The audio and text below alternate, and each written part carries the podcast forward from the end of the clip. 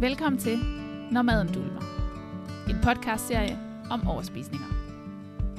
Den er for dig, som oplever, at du har svært ved at styre din mad, og hvor tanker om mad og vægt fylder meget. Din værter i den her podcast er Heidi Jensen og Mette Fuglsang Larsen. Velkommen til. Hej og velkommen til endnu en episode af Når maden dulmer.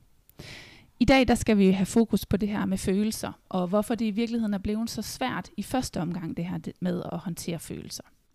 Og derfor så har jeg introduceret, eller hvad hedder det, en, inviteret hedder det i virkeligheden, en ekspert øh, med i dag, som hedder Louise. Øh, og Louise, hun er ekspert i det her med, hvorfor det er, vi har udviklet øh, vores måde at håndtere følelser på. Så velkommen til dig, Louise. Tak med det. og jeg har glædet mig rigtig meget til at, øh, til, at du skulle være med i dag. Og til jer, der lytter med, kan I måske også høre, at jeg faktisk er en lille smule nervøs i dag, for jeg er også en lille smule starstruck af at have Louise med. Uh. Øh, ja. så, øh, så, men vil du ikke lige, Louise, øh, allerførst starte med at introducere dig? Jo, det kan du tro med det. Så øhm, det er super spændende at være med i dag, og jeg er også super glad for, at du har inviteret mig. Øhm, og jeg glæder mig virkelig til den samtale, vi skal åbne op for.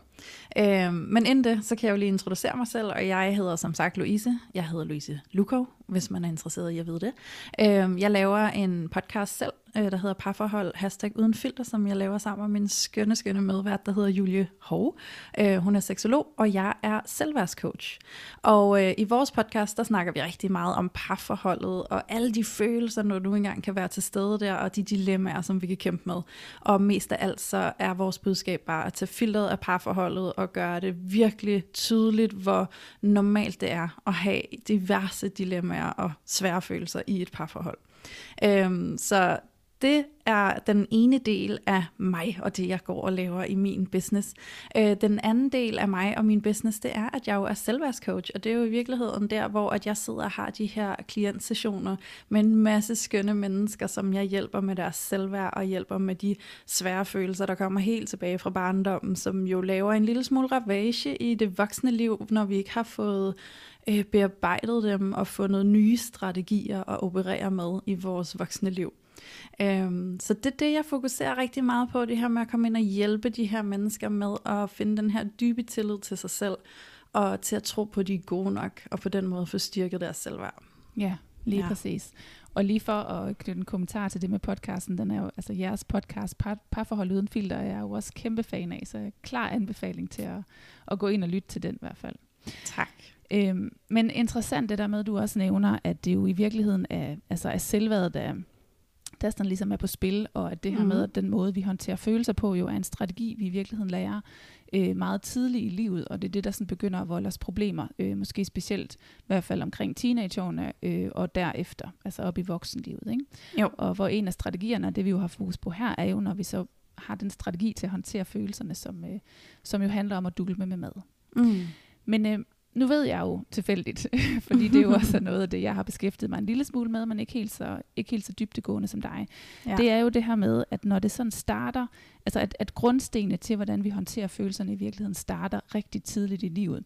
Ja. Og sådan teoretisk set, så, så bruger man det udtryk, der hedder tilknytningsmønstre. Øhm, har du mod på at lige fortælle lidt om det her med tilknytningsmønstre? Altså, hvad er det i virkeligheden? Mm, det vil jeg rigtig gerne. Øhm, så når vi snakker om tilknytningsmønstre, så handler det om den tilknytning, du som barn danner til de primære omsorgspersoner, der øh, tager sig af dig i dit første leveår og i din barndom og opvækst derfra. Øhm, så alt efter hvordan din, at det kan jo, altså ofte er vores primære omsorgspersoner jo faktisk vores mor og far. Men i nogle tilfælde kan det jo sagtens være, at det ikke er mor og far, det er nogle andre mennesker, der er der. Øhm, og alt efter hvordan at de omsorgspersoner, der er der for dig, de øhm, opfører sig, kunne man sige, sådan helt lavpraktisk, øhm, så danner vi et tilknytningsmønster ud fra det. Fordi det handler om, hvordan vi bliver mødt af de omsorgspersoner, som i virkeligheden har til opgave at møde os i det lille bitte væsen, vi kommer til verden og er, som der, hvor vi faktisk overhovedet ikke nu forstår verden, eller forstår, hvad det vil sige at være et menneske, der har følelser og indtryk og alle de her ting, så er det utrolig vigtigt, at vi bliver mødt af vores omsorgspersoner, og de ligesom kan guide os og vejlede os og give os den her trygge tilknytning, sådan så vi har en evne til at kunne begå os socialt i sammenhæng med andre mennesker. Så det kommer jo ind og vægter rigtig højt i forhold til, når vi går i relation til andre mennesker. Så man kan i virkeligheden sige, at den sådan tilknytning, der er skabt mellem dig, da du var helt spæd, og de primære omsorgspersoner, der var til stede, er afgørende for, hvordan du forstår at være i relation til et andet menneske. Og det gør sig jo enormt gældende, når du vokser op og øh, kommer i relation til en masse mennesker i dit voksenliv. Eksempelvis i parforholdet, hvor det særligt udspiller sig, det her med, at de gamle sådan... Øh, ja, hvad kan man sige, strategier, de kommer i spil igen, ikke? fordi mm. når vi er helt små, og vi danner det her tilknytningsmønster, så indprinter vi os det som en strategi i forhold til, hvordan vi forholder os til andre mennesker, vi er i relation øh, med, og det påvirker også, hvordan vi udfolder vores adfærd. Øhm, og det er jo så den samme adfærd og de samme strategier, som vi begynder at danne i det voksne liv over for øh, eksempelvis en partner, vi finder sammen med. Mm. Øhm, så man kan sige, med tilknytningsmønstre, så er det delt sådan op i hovedtræk, at du kan være trygt tilknyttet, eller du kan være utrygt tilknyttet. Øhm, og trygt tilknyttet, det betyder, at der har været nogle omsorgspersoner, der har kunne møde dig, og der har kunne øh, danne den her trygge oplevelse af at være i relation til hinanden øh, en utrygt tilknyttet har oplevet en omsorgsperson, som ikke har kunne skabe den her tryghed i at være i relation til hinanden. Og det kan være rigtig mange, det kan se ud på rigtig mange forskellige måder, men det der er inden under denne her paraply, der hedder utrygt tilknyttet, det er, at der er tre forskellige stile. Øhm, der er det, der hedder ængstelig ambivalent tilknyttet, så er der det, der hedder undvigende afvisende tilknyttet, og så er der det, der hedder desorganiseret. Øhm, og desorganiseret er sådan den, der er færrest af. Det er, når vi har haft nogle omsorgspersoner, altså de primære omsorgspersoner, som eksempelvis, hvor der har været vold, eller på anden måde noget meget sådan, øhm, øh, ja, hvad kan man sige, groft til stede, ikke? Altså, mm. hvor vi virkelig sådan har været i et meget dysfunktionelt ja. miljø. Øhm, og så er der denne her, hvor at du er undvigende og afvisende, som viser sig på en måde, hvor du lige pludselig har fået en idé om, at du faktisk ikke må du må ikke være til besvær, og du må ikke fylde med dine følelser. Dem skal du helst pakke sammen og pakke væk, og så skal du bare være så let som overhovedet muligt, fordi det er den måde, du oplever, at du kan blive elsket på. Ikke? Mm. Og det er den måde, du oplever, at du kan være i kontakt med din primære omsorgsperson på. Øhm, så der er en oplevelse af, at hvis jeg fylder med mine følelser, så bliver jeg afvist. Så er jeg ikke velkommen i relationen. Og så er der den her ængstlige, ambivalente tilknytningsstil, som øh, handler rigtig meget om, at der har været en primær omsorgsperson, som har været, øh, man kan godt kalde det sådan utilregnelig. Altså det her med, at der har været meget sådan lunefuldhed. Ikke? Altså sådan, jeg har ikke helt vidst, hvor jeg har dig henne. Nogle gange er du der, og nogle gange er du der ikke. Øhm, og det betyder, at man sidder tilbage i sådan en ængstelighed, hvor man faktisk ikke helt øhm, føler sig overbevist om, at de mennesker, man er i relation til, er nogen, man kan regne med er der og vil en. Så man kan godt ofte have en adfærd, der bliver meget sådan omklamrende og needy. Øhm, og det ambivalente aspekt i det er, at man kan faktisk også godt begynde at trække sig lidt tilbage, og det er ofte i en øhm, i et forsøg på at beskytte sig selv og trække sig lidt tilbage. Det her med, nu har jeg været needy, og nu kan jeg mærke, at det måske betyder, at det koster mig, at du trækker dig fra mig, så nu trækker jeg mig, så kan det være, at vi kan mødes igen, fordi så kan det være, at du opsøger mig. Ikke? Mm. Øhm, så der er rigtig mange ting her, der er super spændende at kigge på. Vi har, øh, jeg tror, tre eller fire afsnit omkring det inde i Parforhold Uden Filter, som jeg kan anbefale, man går ind og lytter til, hvor vi uddyber det rigtig meget, øh, og kommer sådan helt ned i detaljerne omkring det. Så det er det, det har noget at gøre med den sådan adfærd og de strategier, man, man benytter sig af i den relation, man er i. Mm. Ja, ja. Mega spændende. Mm.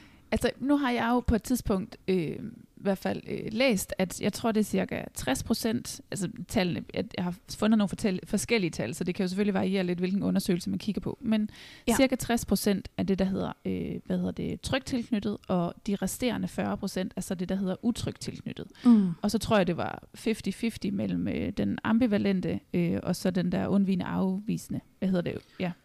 Øh, og at de, det var faktisk i virkeligheden, tror jeg, kun 10% af dem, der var, øh, hvad hedder det, hvad var det den sidste, nu har jeg glemt det. Desorganiseret. Desorganiseret, ja. Lige det må der færrest af. Ja. Altså, jeg ved ikke lige helt med alle de her tal, fordi jeg hører faktisk forskellige tal forskellige steder, så jeg har faktisk selv svært ved sådan helt at læne mig ind i nogle tal, som jeg føler kan være sådan definitivt, fordi der er også øh, nogen, der mener, at der er øh, færre ængstlige, end der er de her undvigende afvisende. Mm. Øhm, men, men summa summarum er heldigvis, at der er flest trygt tilknyttet.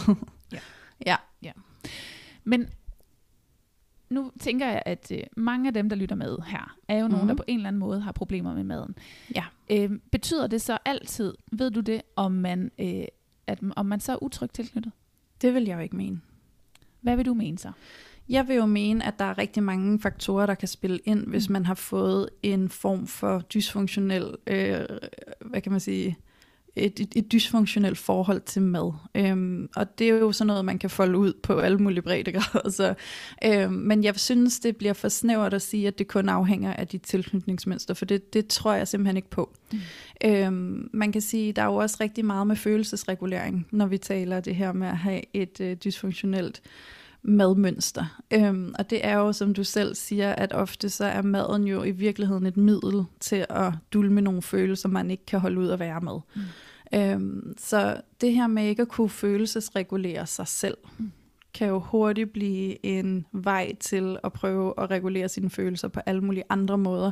Og for nogen bliver det måske øh, gambling, måske bliver det fitness, måske bliver det cigaretter eller alkohol eller i, altså stoffer, mm. og for nogen bliver det mad. Altså, så det er jo det her med, sådan, at man lige pludselig danner en strategi, der hedder, de følelser, jeg ikke aner, hvordan jeg skal håndtere eller regulere, dem får jeg bare en impuls i at regulere med et middel udefra. Ja. Ja. For så kan jeg da om ikke andet lige, øh, øh, ja, som du selv siger, dulme for et øjeblik stund, ikke? Ja. Ja. Så der, hvor det her tilknytningsmønster, det i virkeligheden bliver aktuelt. Altså sådan, hvis vi skulle prøve sådan at give et billede af, sådan, hvis man skal prøve at opdage sig selv, om det måske i virkeligheden kunne være det her, der var på spil i Mhm. forhold til ens overspisninger.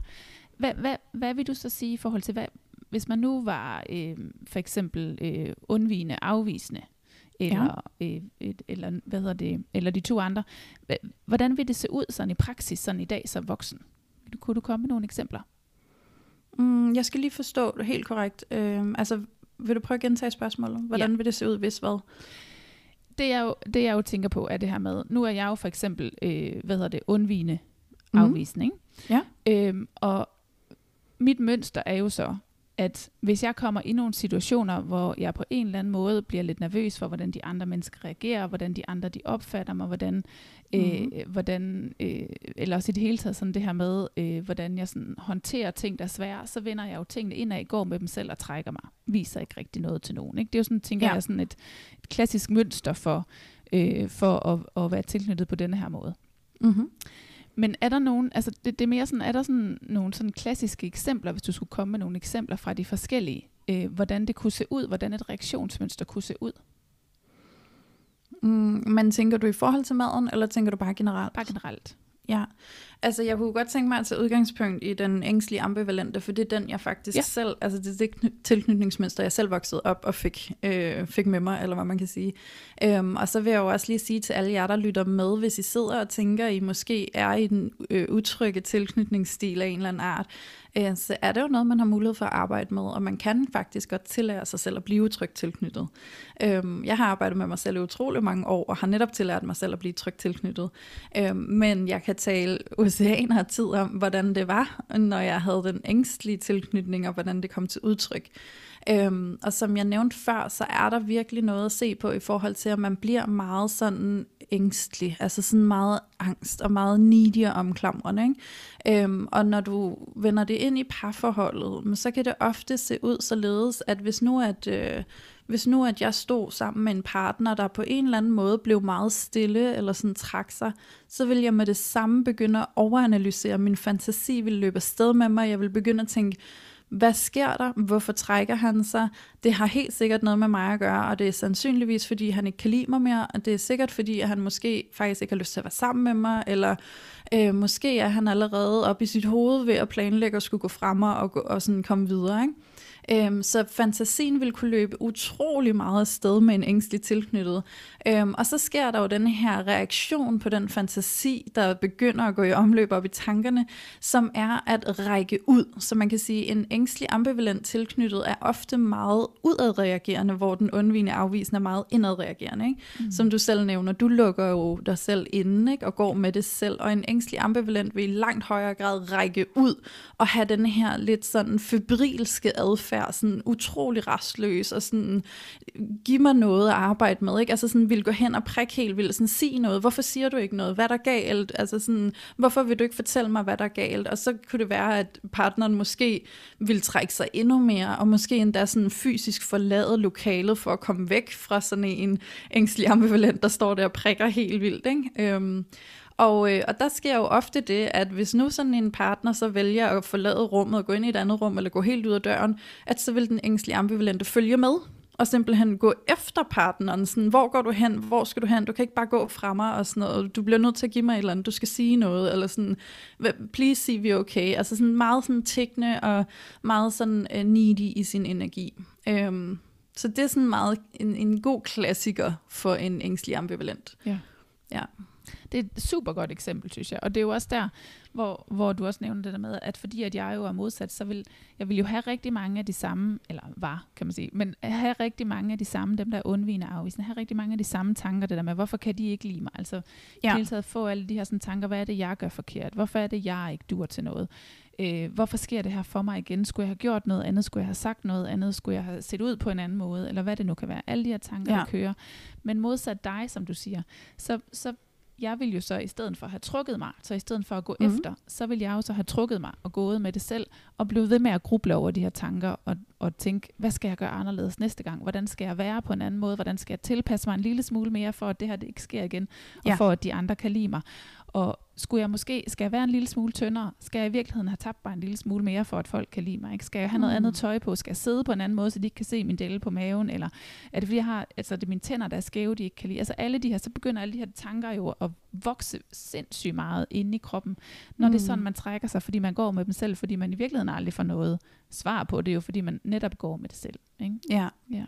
Ja, så man kan jo sige, fælles for, øh, altså sådan, når vi taler tilknytningsstile, jamen så kan man sige fælles for både den øh, undvigende afvisende og den ængstlige ambivalente, det er jo faktisk strategien øh, handler jo om at nå det mål, der hedder, vi er i kontakt med hinanden. Mm. Og for en undvigende afvisende, jamen så er det den her oplevelse af, vi er i kontakt med hinanden, når jeg ikke er til besvær med mine følelser. Mm. Fordi hvis jeg øh, eksponerer mine følelser, så er de til besvær, det er et problem. Ja øhm, og så vil folk ikke kunne lide mig. Så vil de fjerne sig fra mig og trække sig fra mig. Så ja. jeg bliver afvist, hvis jeg viser mine følelser. Ja. Hvorimod den ængstlige ambivalente har det stik modsat. De har den her oplevelse af, for at være i kontakt, så skal jeg eksponere mine følelser, jeg skal dele dem med dig, og så er vi i kontakt i det drama, der kan være, når det er, at alle mine ængstlige følelser får lov til at, at udfolde sig ja. sammen med dig. Ikke? Så det, der er sådan en oplevelse hos en ængstlig ambivalente om, at når vi har drama sammen, så er vi forbundet. Ja. Og ofte så, hvis du er ængstelig ambivalent, så vil du måske også kunne genkende, at du kan gå rundt og sådan, øh, lad os bare tage ind i et parforhold igen, øh, det går faktisk meget godt lige pludselig. Ikke? Altså sådan, dig og din partner har det faktisk ret fint, der er en god balance, harmoni, la la la, og lige pludselig tænker du, okay, hvad er der galt? Mm. Der er et eller andet galt. Jeg kan ikke mærke kontakten. Jeg kan ikke mærke, at vi er forbundet, fordi at det går så godt. Øhm, og så bevidst eller ubevidst, så skaber du et eller andet problem. Mm. Så skaber du noget drama, fordi i dramaet føler du dig forbundet, fordi nu er vi lige pludselig connected, vi er sådan sammen om at skulle løse det her, og vi sådan, og selvom at det er, at man står og skriger hinanden og er i skænderi, så er det følelsen af, at nu kan jeg mærke os, nu kan jeg mærke, at vi har noget med hinanden at gøre, ikke? Mm. Øhm, så det er ret interessant, og det er jo også derfor, at det ofte er et kæmpe sådan, Øh, altså det er kæmpe konfliktfyldt, når en undvigende afvisende og en ambivalent, øh, ængstelig ambivalent, de møder hinanden og bliver et par. Mm. Øh, fordi de har jo modsatrettede strategier. Mm. Så man kan sige, at den øh, undvigende afvisende vil jo trække sig og putte sig ind i sig selv og egentlig sådan ja, som det hedder, undvige ja. at være øh, i de der følelser, der er svære, eller mm, i går så negative, Ja. øh, fordi de tænker, det er den måde, jeg kan beskytte vores relation, det er den måde, jeg kan bevare kontakten imellem os. Ja. Og den ængstlige ambivalente har det jo stik modsat. Så den ængstlige ambivalente vil opsøge den undvigende enormt meget, og den undvigende trækker sig bare mere og mere, jo mere den ængstlige ambivalente opsøger den. Ikke? Ja. Øhm, og det er der, hvor den dynamik, den bliver så utrolig svær. Men til gengæld, så er der et kodylstort potentiale for, Mhm. at vi faktisk kan komme ind og arbejde med vores utrygge tilknytningsstil, og vi kan komme ind og hele den, mm. hvis vi er villige til at indgå det stykke arbejde sammen med vores partner. Ikke? Øhm, så, så der er et kæmpe potentiale. Det er ikke fordi, at man ikke skal være sammen, hvis man er de to forskellige tilknytningsstile. Til gengæld så er der ofte en rigtig god mening med, at man finder hinanden, fordi det betyder, at der er nogle emner inde i en selv, som der skal berøres for at hele. Ja. Ja. Nu kan jeg jo også være sådan lidt nysgerrig på, fordi et er jo, når man er i et, øh, et parforhold, kan man sige, men, mm. men de her mønstre går jo i virkeligheden også igen i alle de sociale relationer, man ja. har, hvor der er et eller andet på spil i hvert fald. Ja. Øhm, og som, hvad hedder det, som undvigende afvisende, så det, altså, det er jo det samme mønster, man tager med sig ud i virkeligheden i alle sine sociale relationer. Og det kan jo mm. være på Mhm. arbejdspladsen, eller det kan være med veninderne, eller det kan være med forældrene, eller det kan være med søskende, eller det kan jo være alle mulige steder, hvor man ja. ender med at tage det her, øh, det her mønster med ud. Øhm, og det er jo i hvert fald også noget af det, som, som jeg har oplevet rigtig meget. Øhm, altså hvis for, for eksempel med veninder, Mm. det her med, at hvis man var ude et eller andet sted, eller man var sammen, eller et eller andet, altså at, at hver gang der var sådan, i det mind, man var sådan, altså lavede et eller andet, hvor den anden måske, du ved, bare blinkede med øjet, eller trak lidt øh, Ja. et eller andet, eller du ved, hvad end det kan være. De der sådan små reaktioner, man sådan ser Ja. hos andre mennesker, ikke? Allerede sådan, bare, der skulle jo virkeligheden ikke særlig meget til. Så var sådan, fuck, sagde jeg nu noget forkert? Ja. Gjorde jeg noget forkert? Var det nu mig? Og så kommer den der lige så stille, så trækker man sig, og så tilpasser. Altså, ja. altså tilpassede jeg mig jo hele tiden, hele tiden, hele tiden, ikke? Jo. For sådan, okay, jamen, så kan det også godt være, så næste gang må jeg hellere servere det her, hvis de nu var hjemme ved mig. Eller, Ja, ja, ja. Og jeg ved, de her, de går meget op i at drikke god rødvin. Jamen, så skal jeg i hvert fald også øh, helt sikkert have købt den dyre rødvin, eller et eller andet. Ja. Altså, du ved, alle de der ting hele tiden for at forsøge at undgå, at de der følelser, de kom på banen. Ikke? Ja. Ja. Jo, jo, og det er jo et kæmpe stressniveau indvendigt, ikke? Altså sådan, det er Ja. jo virkelig at være alert hele tiden. Ja. Og det er utroligt drænende, og det er utroligt stressfuldt, ikke? Så Ja. det er jo også sådan, øhm, det er jo også et spørgsmål om at få den der indre ro, få lidt ro på, have den der tillid til, at man egentlig er okay, og at, altså Ja. sådan, øh, fordi det, det handler om at få slukket for de der øh, følehorn, ikke? De der sensorer, der hele tiden holder øje med alle andre for at spejle det ind i sig selv og tænke, hun sagde det, eller han gjorde det, det har helt sikkert noget at gøre med mig, og det er jo ikke noget positivt, man ja. Tænker. Så er det sådan mere den der, det er nok fordi, de ikke kan lide mig, ikke? Altså, ja.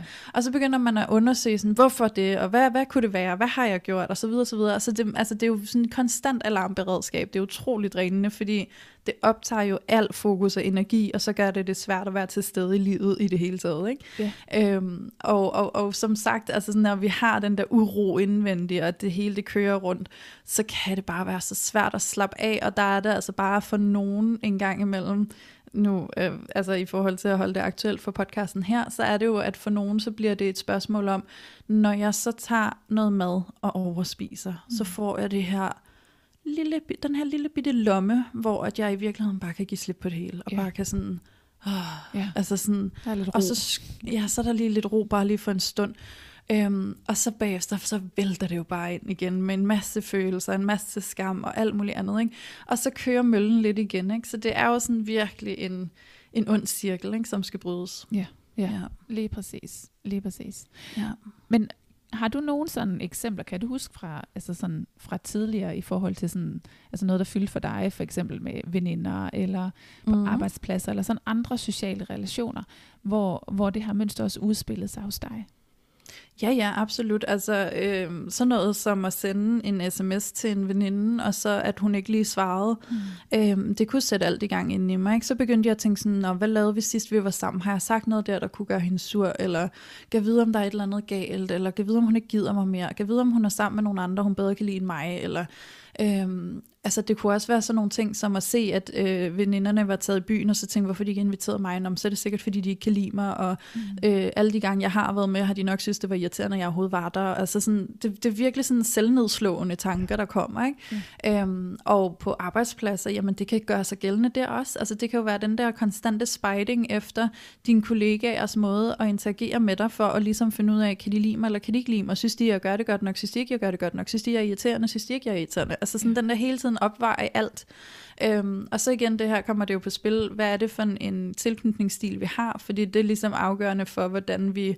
Øhm, altså hvilken adfærd, der kommer i spil, når vi har de der bekymringstanker. Ikke? Øhm, fordi som du siger, du trækker dig ind i dig selv, ikke? og en ængstelig øh, vil jo i højere grad begynde at skubbe lidt til andre mennesker. Forstået på den måde, lad os sige, at vi er på en arbejdsplads, og en ængstelig ambivalent tilknyttet bliver i tvivl om ens kollegaer kan lide en. Øhm, det kunne være, at man har sendt en mail, og så kommer der en meget kortfattet mail tilbage, og så sidder man og tænker, Ej, kan jeg vide, om personen er sur? Kan jeg vide, om jeg har gjort et eller andet galt? Ikke? Jamen, så vil det være meget klassisk for en ængstelig ambivalent at opsøge den person. Ikke nødvendigvis for at gå direkte til personen og spørge, om der er noget galt. Det kunne det også godt være. Men i højere grad for sådan, når nu går jeg lige hen, og så starter jeg en samtale, fordi så bruger jeg samtalen til at mærke temperaturen så prøver jeg at mærke efter, om du virker glad, eller om du virker irriteret, eller sådan, sådan hele tiden prøve at afveje, hvor har jeg dig henne. Ikke? Mm. Øhm, så det er det, det handler meget om for en ængstelig ambivalent, det er det der, hvor har jeg dig henne. Ja, ja, ja. ja. Så der vil man opsøge, hvor, hvor den undvigende afvisende i virkeligheden vil trække sig.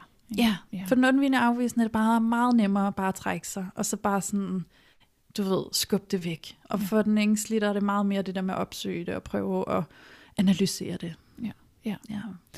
Så inden vi går til løsningerne, så, så tænker jeg, eller hvad man kan arbejde med løsninger, det er jo ikke på, sådan i hvert fald ikke noget quick fix, vil jeg sige. Men, Nej. men, øh, men det vi jo ikke har berørt, det er jo i virkeligheden den sidste tilknytnings, eller hvad hedder det, utrygt tilknyttet strategi. Mm. Øh, og man kan sige modsat de to andre, så øh, altså de to andre, den, øh, den ængstlige og den undvigende, har jo i virkeligheden en strategi. Altså der er jo i virkeligheden en strategi for, hvordan er det, man håndterer følelserne, når de kommer. Mm. Det kan godt være, at det er en strategi, der ikke nødvendigvis er særlig hensigtsmæssig, øh, og kan være en lille smule selvdestruktiv. Øh, men der er trods alt en strategi. Hvorimod mm. den sidste, er der jo i virkeligheden, det er jo det, der, det er jo det, der gør den helt speciel, ikke? at der er i virkeligheden ikke rigtig nogen strategi. Nej, ja. præcis. Det er jo det. Altså den desorganiserede har jeg ikke beskæftiget mig så meget med, altså, fordi det, altså, det har ikke været relevant for mig, og ja. det er også den, der er, den, den, den fylder mest, mindst inde i det her tilknytningsstile. Ja. Men det er rigtigt, den har ikke rigtig nogen strategi, så dens adfærd bliver egentlig sådan lidt uregerlig.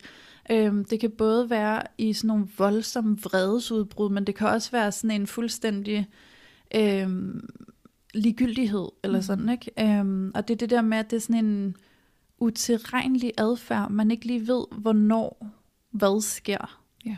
Øhm, og de har sådan svært ved helt at connecte til de der følelser, de oplever, så det er som om, de egentlig laver sådan en øh, fraspaltning, hvor i virkeligheden, der, øh, der er de ikke sådan i kontakt med det, men det betyder jo også, at det kan give bagslag, ikke? fordi så lige pludselig så kommer det sådan lidt uden, at de mærker det, og så får det bare lov til at reagere, uden de egentlig selv føler, at de er i kontrol over det. Ikke? Ja. Øhm, så så det, er, det er sådan en, det er, det er sådan lidt mere voldsom oplevelse og adfærd, der er i spil lige der, ikke? Jo, jo. Ja. Og en meget, altså jeg tænker også indvendigt, en meget mere, øh, altså hvad kan man sige, også meget mere kaotisk indvendigt, det der med at, at, at trods alt ikke have nogen strategi overhovedet. Ikke? Ja, det kunne jeg forestille mig. Ja. Jeg, jeg tænker, at det må føles enormt svært at være derinde i. Ja, ja, ja. ja det tænker jeg også. Og noget af det, jeg sådan tit tænker over, når jeg også, øh, hvad hedder det i hvert fald, jeg møder nogle enkelte, der har det her. Jeg, jeg møder også selvfølgelig mest nogen, som er undvigende og afvisende, ligesom mig selv. Mm-hmm. Øhm, har også nogle enkelte, som er ambivalente og ængstlige. Øhm, ja. Og så møder jeg jo også en, en enkelt gang imellem de her så, hvad hedder det, det så organiseret. Ja. Øhm, og man kan sige, øh, ofte så baggrundsmæssigt er det jo nogen, der kommer fra, fra hjem med misbrug. Altså ja. hvor forældrene nogle gange, øh, eller nej, jo, nogle gange har de måske været til stede, kan man sige, men, mm. men i mhm. hvert fald øh, ikke rigtig på en tilstrækkelig måde i virkeligheden, fordi de har haft så mange udfordringer selv, Øhm, og har det været alkohol eller vold eller et eller andet, har det jo været deres måde at håndtere følelser på, som har været enormt utrygt mm. øh, for det lille barn. Ikke? Jo. Så det vil sige, at det har i virkeligheden aldrig rigtig været noget, nogen strategier, de kunne, øh, de kunne drage nytte af hos Mm-mm. omsorgsgiverne. Ja. Øhm, Og det er jo det, der gør, at der har ikke været den der spejling i, okay, men så er der faktisk noget konstant i det. Altså det vil mm. sige, når jeg så, om jeg så trækker mig, eller om jeg bliver needy. Ikke? Altså det er trods alt en strategi, når jeg gør på den her måde, så, så kan så mor og far lide mig. Ja, lige ja. præcis. Så ja, kan mor og far trods alt lide mig. Ikke? Ja. Altså hvis jeg ikke fylder for meget, eller hvis jeg bliver hende, der, der selv rækker ud, eller hvad det kan være, så, så, så får jeg trods alt et eller andet. Men den anden, der, der kommer bare ikke nogen respons, Nej. eller i hvert fald ikke kontinuerlig respons. Ja. Og det er det, der gør, at det bliver så enormt svært Øh, fordi de jo hele tiden er på altså enormt meget på duberne med antennerne ude for at fornemme og fornemme og fornemme og fornemme. Og så ved de i virkeligheden heller ikke rigtigt, hvad fanden de så gør, når de så fornemmer det. Fordi mm. at den mm. ene dag, så kan det, de fornemmer, give det ene resultat, og den anden dag, så kan det, de fornemmer, give det andet resultat. Ja. Øhm, og det er det, der bliver så, så, så destruktivt øh, for dem at være i. Ikke? Fordi det er det, de så tager med ud hele tiden. At mm. Så prøver de sig frem med, er det så den her strategi, er det den her strategi, er det den her strategi. Og ingen af dem formår de rigtigt at føre, øh, føre til enden, fordi de jo, der er jo ikke rigtig nogen af dem, der i virkeligheden giver det resultat, som de gerne vil have. Mm-hmm. Ja, ja. ja. Så det er et lidt større stykke arbejde, men, men som du også siger, øh, med alle dem her kan man jo arbejde sig ud af det. Der er ikke nogen af dem, der er for godt. Nej, præcis. Og det er, jo, det er jo virkelig det, som vi skal huske på. Ikke? Det er jo den tryghed, tryghed, der trods alt er tilgængelig, ja. hvis vi arbejder med det. Ja, lige ja. præcis. Lige præcis. Ja.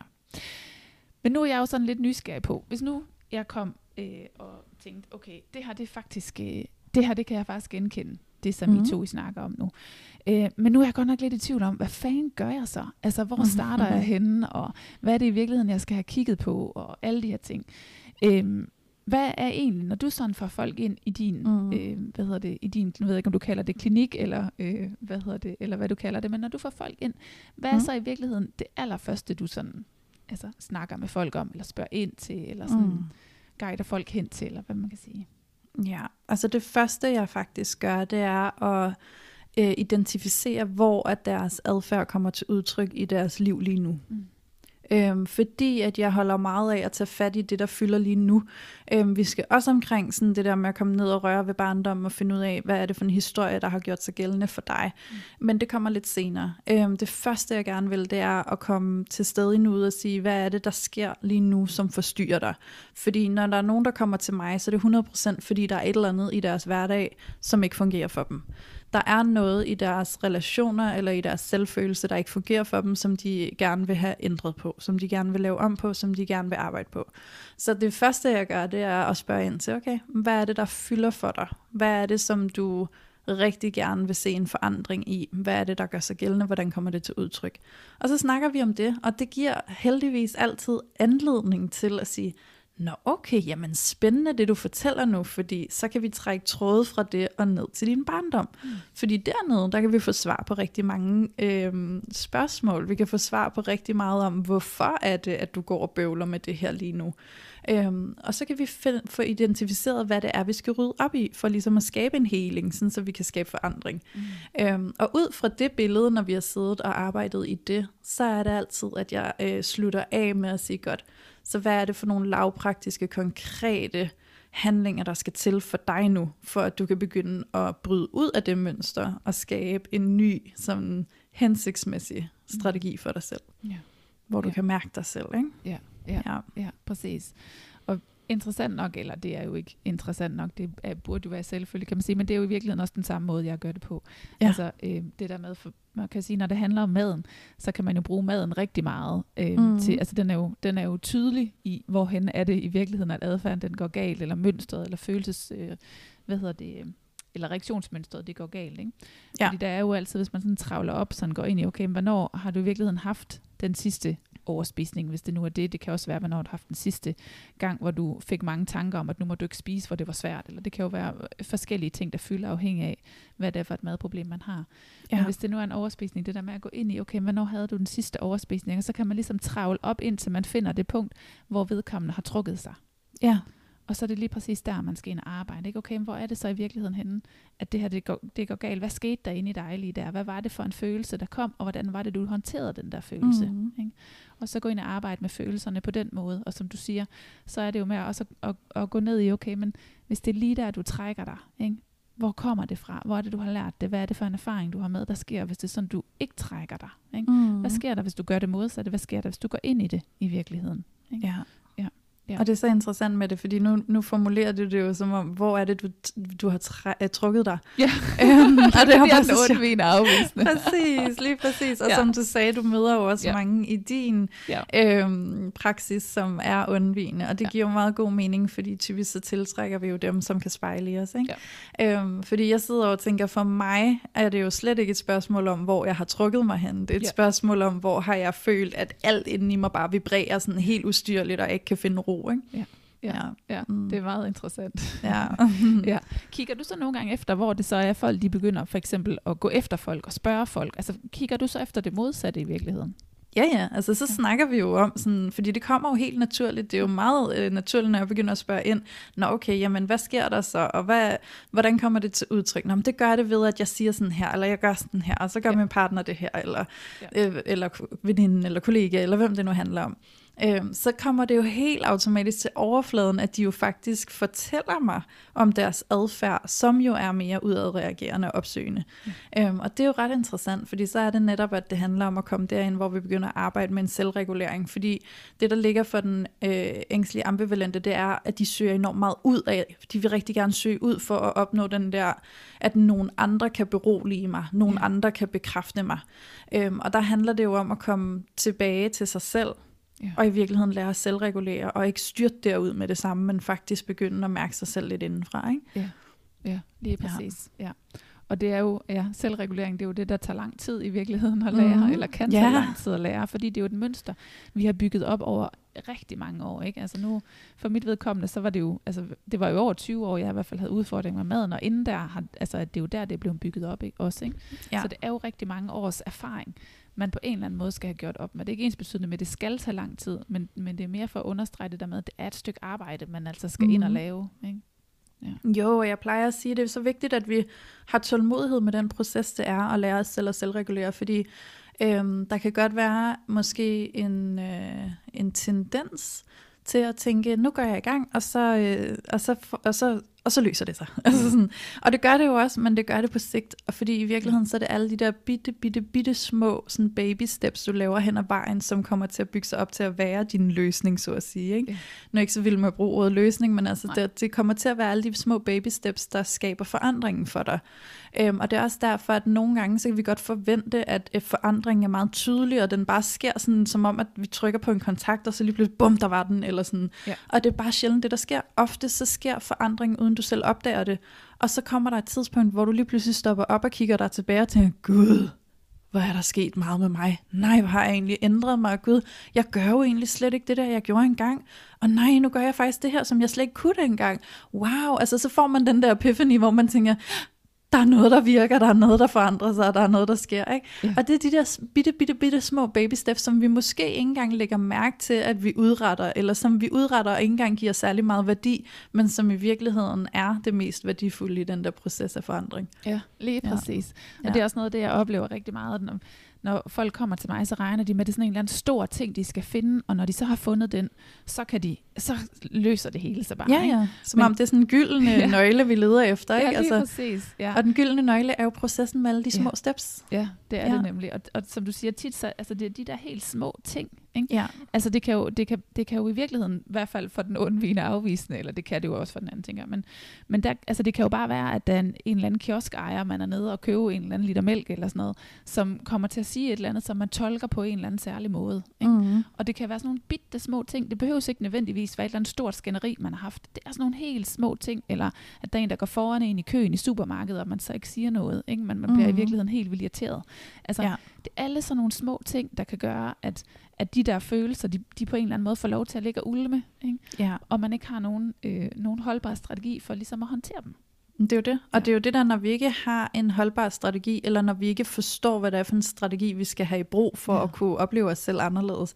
Det er jo det, som der skal etableres. Ja. Og det er det, som jeg lægger meget vægt på, og det er derfor, at jeg lægger så meget vægt på at skabe de her konkrete handlinger i forhold til det arbejde, jeg laver med mine klienter. Mm. Fordi det skal være lavpraktisk. Det skal være sådan så, at når, de, når vi afslutter en session, så forstår de faktisk, hvad det er, der ligger først for. Mm. De forstår faktisk, hvad det er, de skal tage fat i, og de forstår, hvordan de skal gøre det, fordi vi har udpenslet det og gjort det meget specifikt, mm. at jamen, fra nu af, efter den her session, så skal du begynde at sige det her, eller du skal begynde at gøre det her, eller du skal, altså når du kommunikerer med folk, så prøv ja. at tænke det her i stedet for, eller hvad det nu kunne være. Det kan være en, en mere sådan, øh, hvad kan man sige, en udfordring. De skal udfordre sig selv i noget, de normalt aldrig ville have gjort, som de så skal gøre for at opleve sig selv på en ny måde, og få ja. noget tillid til sig selv og sådan. Ikke? Ja. Så, så det kan jo se ud på rigtig mange forskellige måder, men det er noget med at komme ind og finde ud af, hvor er det, at du har en uhensigtsmæssig adfærd og strategi lige nu, mm. Og for at vi kan udfordre dig til en forandring, så er du nødt til at prøve at gøre det modsatte. Og det vil sandsynligvis føles øh, en smule grænseoverskridende og nervepirrende, øh, men det skal det også, fordi det er der, at du rykker dig. Ja. Fordi hvis det er nemt, så har du ikke et problem at løse. Præcis. Så når vi har et problem at løse, så er det svært. Og det er altså bare et vilkår. Ikke? Så det handler om, at vi tør udfordre os selv og gøre modsat af det, vi plejer. Ja. Øhm, for at komme frem til, til noget nyt i os selv. Ikke? Ja. Lige ja. præcis. Det er, jo, altså, det er jo ude i udviklingszonen. Vi skal selvfølgelig ikke have folk ud i farezonen, men, Nej. men ud i udviklingszonen. Og, der, og ja. det må, man må gerne mærke frygt, man må gerne blive ja. bange, man må gerne mærke de her, den her type følelser. Det gør ikke så meget. Altså, dem kan vi godt udfordre. Det skal bare ikke være så stort, at, at det bliver for meget, selvfølgelig.